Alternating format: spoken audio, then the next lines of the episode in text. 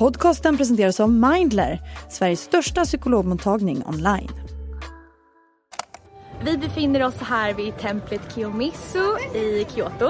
Det är jätte, jätte, jätte, jättevackert. Hur skulle det vara om man lät en AI bestämma allt på semesterresan?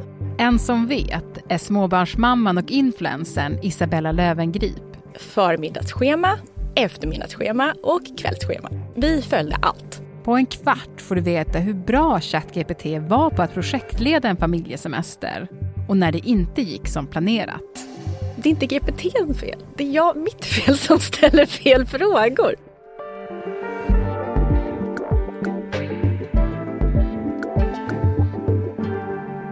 Det är den 8 december. Det här är dagens story från Svenska Dagbladet med mig, Alexandra Karlsson. Men hade du varit i Japan in, alltså förr? Nej. Gäst idag, entreprenören och influensen Isabella Lövengrip. Det var därför det kändes så att jag var så lost.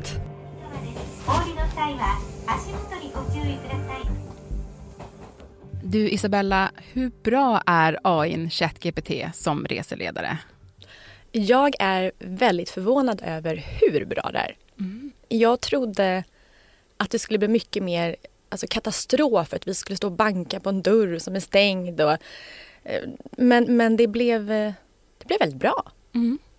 Du är ju expert lite grann på att låta ChatGPT vara resledare. För du gjorde det på en familjesemester i Japan. Mm. Hur kom du på den idén?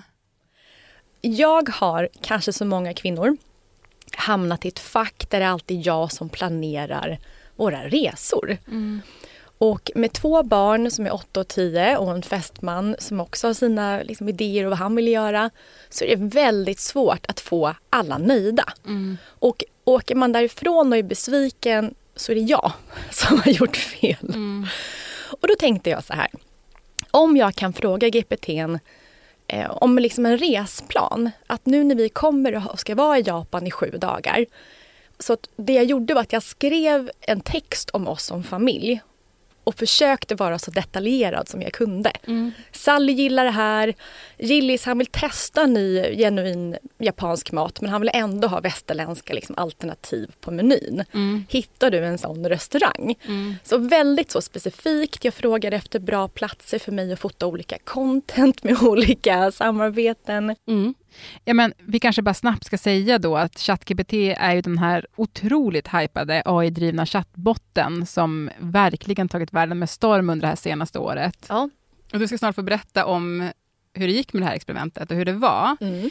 Eh, men först tänkte jag på en sak eh, som jag fastnade i din text som du skrev i SVT Kultur och som jag tror att väldigt många kan känna igen sig i. Och det är ju att det lätt blir tjafs när man är ute och reser med andra. För som du säger, det är väldigt mycket olika viljor och kanske speciellt om man reser som en familj. Alltså, i din familj, alltså hur brukar en sån typisk situation se ut?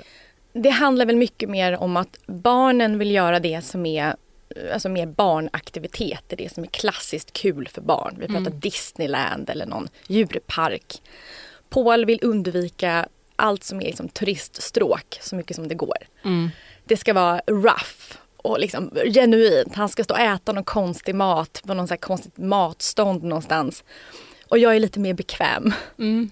Jag vill inte uppleva trängsel och någonting som är smutsigt och osäkert. Jag är lite så prinsessan på ärten. Så, så att få ihop barnaktivitet med det genuina, smutsiga och eh, lite lyxigare. Den mm. är svår. Den låter ju riktigt svår. Men alltså, hur brukar ni vanligtvis hantera de här olikheterna då?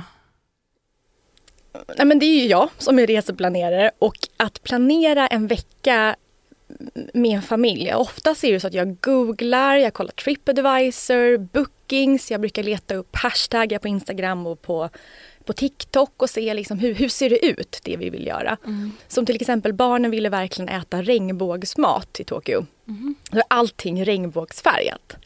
Jag tänkte, ja men det är väl kul content för mina kanaler också. Men så går man in på alla hashtaggar så ser man att det inte är så roligt egentligen. Mm. Eh, så det handlar väldigt mycket om mycket research innan. Och det tar jättelång tid att få ihop en sån resa. Så jag behövde hjälp kände jag och GPT var verkligen ett stöd att hålla i handen hela tiden. Mm. Och det fanns också en förhoppning hos dig innan att den skulle hjälpa. Eller vad, vad var dina förväntningar innan du frågade en massa saker? Men förväntningarna var att få det mer skräddarsytt. Just att vi kan ta allas idéer och tankar och önskemål och få liksom in det på sju dagar. Och sen tycker jag också det är ganska svårt att veta var ska man vara i Japan? Mm. Att vara i Tokyo kändes givet. Men om man vill hinna med en annan stad, ska det bli Osaka, Kyoto, Hakone, var ska vi någonstans? Och det var också väldigt skönt. Mm. Tre dagar i Kyoto, åk dit, testa den här marknaden, besök den här templet. Liksom. Mm. Bambuskog. Alltså det finns så mycket att göra och det var väl också en utmaning att, att man inte hinner med allting. Mm. Och då vet man om det för man ser i texten vad man borde göra. Mm. Ja men precis, man ser exakt det man, man kommer hinna. Men okej, om vi då återvänder till själva den här resan. Hur gick det här experimentet till? Kan du liksom ta oss med? Men jag, det var verkligen en eftermiddag där jag tänkte så här, hur ska jag göra den här resan på bästa sätt? Så jag satte mig ner och så var det lite på ett skämt att jag tänkte fråga GPT-4 om just så här, hur ska vi lösa det här?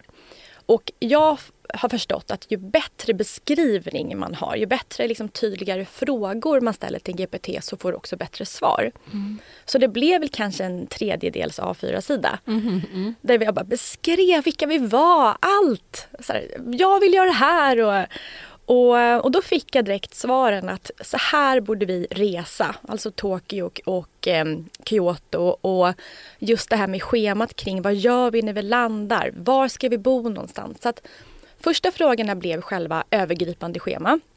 Andra frågan blev vilka delar vi ska vara i Japan. Och sen så frågade jag kring vilka hotell, eh, vilka liksom, turistaktiviteter. Så det slutar med då att vi får sju dagar med en, en till två grejer att göra vad vi alltså på förmiddagen, eftermiddagen och vad vi ska äta på kvällen. Så vi, alltså jag gick verkligen runt, men jag hade skrivit ut alla frågor och svar. Så istället för att gå runt med en turistkarta så går jag runt med liksom utskrivet GPT-dialog. Mm. Eh, men sen blev det väldigt ofta att jag fick stå och prata med den eh, liksom på plats. Som, men det jag, jag märkte det, till exempel om vi var i en djurpark som heter UNO Zoo och, och, i klassiska såna här turistgrejer, så när man är i en sån park så finns det också väldigt många restauranger att välja mellan. Mm. Alltid liksom, ja, men snabb mat och så. Och då var det så perfekt att fråga att vi befinner oss i det här sot. Vilken restaurang är bäst här? Mm. Och då kunde vi gå och äta någonting som var men ändå okej i djurpark. Så man kunde också ställa ganska frågor här och nu. Vad man skulle göra när man befann sig på ett ställe och man blev superhungrig till exempel. Man letade efter någonting. Så eh, ja, det var verkligen så att jag hade en reseguide och ett mentalt stöd i handen hela tiden. Mm. Jag älskade det. Mm. Alltså det var så bra och det går inte... För om du har en fråga eller vill göra någonting om du googlar så får du vara ganska snål med din beskrivning. Du får skriva teppanyaki i Shibuya. Mm. Det är det man får göra. Men i det här fallet kan jag skriva Teppanyaki, Shibuya, vi befinner oss på den här adressen. Det måste finnas något västerländskt alternativ. Och det får inte vara så här dyrt till exempel. Så att det går att liksom fråga så mycket och få mm. så bra svar. Mm. Det är det jag älskar. Helt skräddarsytt. Och det var också en grej som jag kände innan jag reste dit att när man reser idag så är det inte lika mycket överraskningar. För att vid varje hashtag så kan du alltid se hur det ser ut med bilderna. Eller mm. du kan på Youtube så får du liksom se ett klipp hur det ser ut. Nu blev det lite mer äventyr. Mm. Men jag tänker så här, om man är på ett zoo till exempel, då kan man också bara så känna så här, okej okay, men vi går bara till någonting, så märker vi om det är bra eller dåligt. Blev det inte en liten känsla av att man tappade det lite spontana? Eller? Och där kommer vi in mellan olikheter mellan mig och min fästman. Mm. För han vill bara, vi tar någonting. Mm. Och jag är så här, men vi har bara sju dagar här. Varje måltid ska vara en upplevelse. Mm. Så jag tycker att för oftast när man bara tar någonting för att man är hungrig så hamnar man med en dålig turistrestaurang.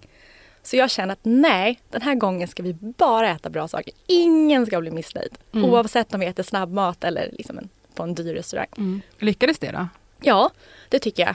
Men jag tänkte så här, var det ingen i, i familjen som ifrågasatte att ni skulle lyssna på AI hela tiden? Ja men Paul. Ja okej, okay. det är din kille? Ja. Men han, jag måste ändå skylla på att han är en annan generation. Och han, vill, han sa också det till mig så här. Ska vi verkligen stötta det där? Mm. Vadå, ska vi, ska vi låta den få ännu mer utrymme och, och framförallt när jag vill skriva den här artikeln. Mm. Då sa han, du kan ju inte marknadsföra GPT mer för han är ganska mycket emot mm. hela AI-utvecklingen. Så eh, fast på ändå ett klokt ifrågasättande sätt, så inte dinosauriesätt. Men, eh, men han blev också överraskad mm. att det faktiskt funkade. Mm. Så du fick över honom lite mer på din sida? Ja, och han stannade kvar en vecka efteråt och bara följde resten av råden som jag och barnen inte hann med. Men du, det fanns ju också eh, stunder på den här resan där GPT ändå svek lite grann. Kan du berätta om något sånt tillfälle? Ja, men en av de största attraktionerna som man ska uppleva i Tokyo är Shibuya Crossing. Det är världens största övergångsställe där tusen personer kan passera samtidigt. Mm. Och då tänkte jag, om jag ska ta en Instagram-bild som får liksom sjukt många likes. Mm. För det är ganska svårt att få likes nu för tiden. Så vi åkte dit, det var det första vi gjorde när vi kom fram. Men då visar det sig att det är stängt för att det är halloween och då har de spärrat av den. Så då har vi tagit oss ganska långt och inte veta om att vi inte kommer kunna ta den här bilden. Så där hade jag velat att GPT sa det här är en bra grej att plåta och så. Men det är stängt under de här högtiderna. Mm. Men det måste ju jag veta om när jag använder den så jag kan inte ställa vissa frågor utan då får jag googla och se, finns det bra bord här? Är det värt att åka till den här staden? Nej men nu är det en högtid där så det är bara japaner där. Men det handlar om att det inte det är inte GPTs fel. Det är jag, mitt fel som ställer fel frågor. Men gud, du lägger så mycket skuld på dig själv. Det är inte ditt fel. Nej men jag tror att jag älskar all teknik och utveckling. Men jag tror att vi människor är dåliga på att veta hur vi ska använda den på bästa sätt. Och jag känner att jag snuddar det nu vid möjligheterna framöver. Och nästa steg är ju att GPT är mer eh, men, ajour. Att man kan boka tågbiljetter på en gång, att den rekommenderar hotellet och ser till att det finns rum när vi kommer dit. Det är ju bara en tidsfråga. Mm. Så det var väl några gånger som vi kom fram till saker och ting och just med tidsaspekten att det hade stängt. En annan grej var att vi fick en rekommendation om en robotrestaurang. Mm. Som barnen bara, men gud robotar kommer att servera maten. Men det fanns inte längre. Mm. Så, så att i dagsläget så måste man på något sätt dubbelchecka på nätet också. Mm. Men, men det kommer, alltså jag har så stor förhoppning för det här. Så det är bara vänta ett halvår så så kan man se sånt också. Mm. Ja, men, och ibland så litar du inte heller på den. Nej. Det var ett tillfälle som jag kände att så här, nej men det här känns läskigt. Just för att när vi har så få dagar i Japan så får det liksom inte bli fel när vi ska ta oss till en annan stad. Så jag frågar GPT att hur tar vi oss till Kyoto? Mm. Och han, som jag kallar det för ibland, han svarar mm. att det är superenkelt. Man bara hoppar på Shinkansen som är snabbtåget. Det tar en två och en halv timme. Det enda du gör är att gå ner är att gå till stationen, köp en biljett, hoppa på. Mm. De tågen går hela tiden. Jag tänkte nej, det här vågar jag inte lita på. För jag ville vara förberedd. Så jag googlar lite grann, tryggt som man tycker old school. Mm hittar en amerikansk sajt som då säljer de här tågbiljetterna. Och jag tänker gud vad skönt, äntligen något stabilt amerikanskt, det här kommer funka. Mm. Och eh, biljetterna kostar enkelväg 4 000 kronor dit. Tänkte ja, vad ska jag göra? Jag får väl åka dit, gud vad dyrt. Men sen visar det sig att hade jag litat på GPT och gjort exakt så, knatat ner på stationen, så hade de kostat bara några hundralappar tillsammans. Och här då uppstår det faktiskt ett litet tjafs mellan mig och Paul. Mm. För det var så mycket onödiga pengar. Så att vi var väl inte det lyckligaste paret där och då. Vi älskade varandra lite, lite mindre. Mm. Som det lätt blir på semester. Ja. Mm. Men sen är det också svårt, för tänk dig, Tokyo är världens största stad. När man ska ta sig till deras centralstation och hitta och navigera. Mm. Allting är på japanska. Och sen hör man, du hör utrop på japanska konstant. Och det är inte så att du ser digitalt på en skärm vad som händer. Det här blev jätteförvirrande. Gud vad jag svettades. Mm. Tur att jag inte bar grått för att man hade sett på mig min stress av att kunna klara av den här situationen.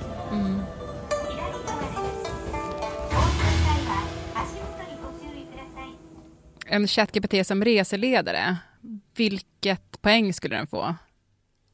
Den får åtta av tio. Mm. Och nästa familjesemester, då kommer den också finnas med? Ja, och framför allt som emotionellt stöd från mig som mamma. Mm. Det är verkligen så att när det inte funkar, om det inte funkar, då får jag skylla på någonting. Då får jag säga så här, titta på min, min lilla manick i handen, det, här, det är hans fel, inte mitt fel. För det hände ändå några gånger. Så att jag tror att som mamma så kan man liksom bara slappna av lite grann och inte känna den här stressen. Det mm. tror jag var det bästa. Mm. Det är ju jätteskönt att ha liksom ett, ett moraliskt stöd i saker, tänker jag. Men, men jag, jag känner också, tänker när jag hör det, så här, allt är inte ditt ansvar. Det, liksom, det, det får bli fel också. Ja, för jag tror att det handlar om att säga till en mamma så här, det är inte ditt ansvar att det finns toalettpapper, tandkräm och mm. bröd och smör liksom, som ska funka i vardagen. Utan någonstans där som, nu pratar jag i och för sig bara för mig själv, att man är en sån här hemlig liten person som bara får allting att funka som en fe hemma. Mm. Och den känslan kan jag ha lite inför resor också. Att jag måste få resan och få barnen att tycka att det verkligen var liksom värt det. Men, men i slutändan då, nu skyller jag alltid på mig själv, men det kanske handlar om mitt kontrollbehov. Mm. Det är kanske snarare det jag ska arbeta på. Så, mm. Bara så här, antingen låta GPT eller bara säga till Paul att nu är det din tur. Mm. Nu får du ha det emotionella stödet i handen istället. Jag röstar på det. Du, tack så jättemycket för att du var med i Dagens Story. Tack så mycket för att jag fick komma hit.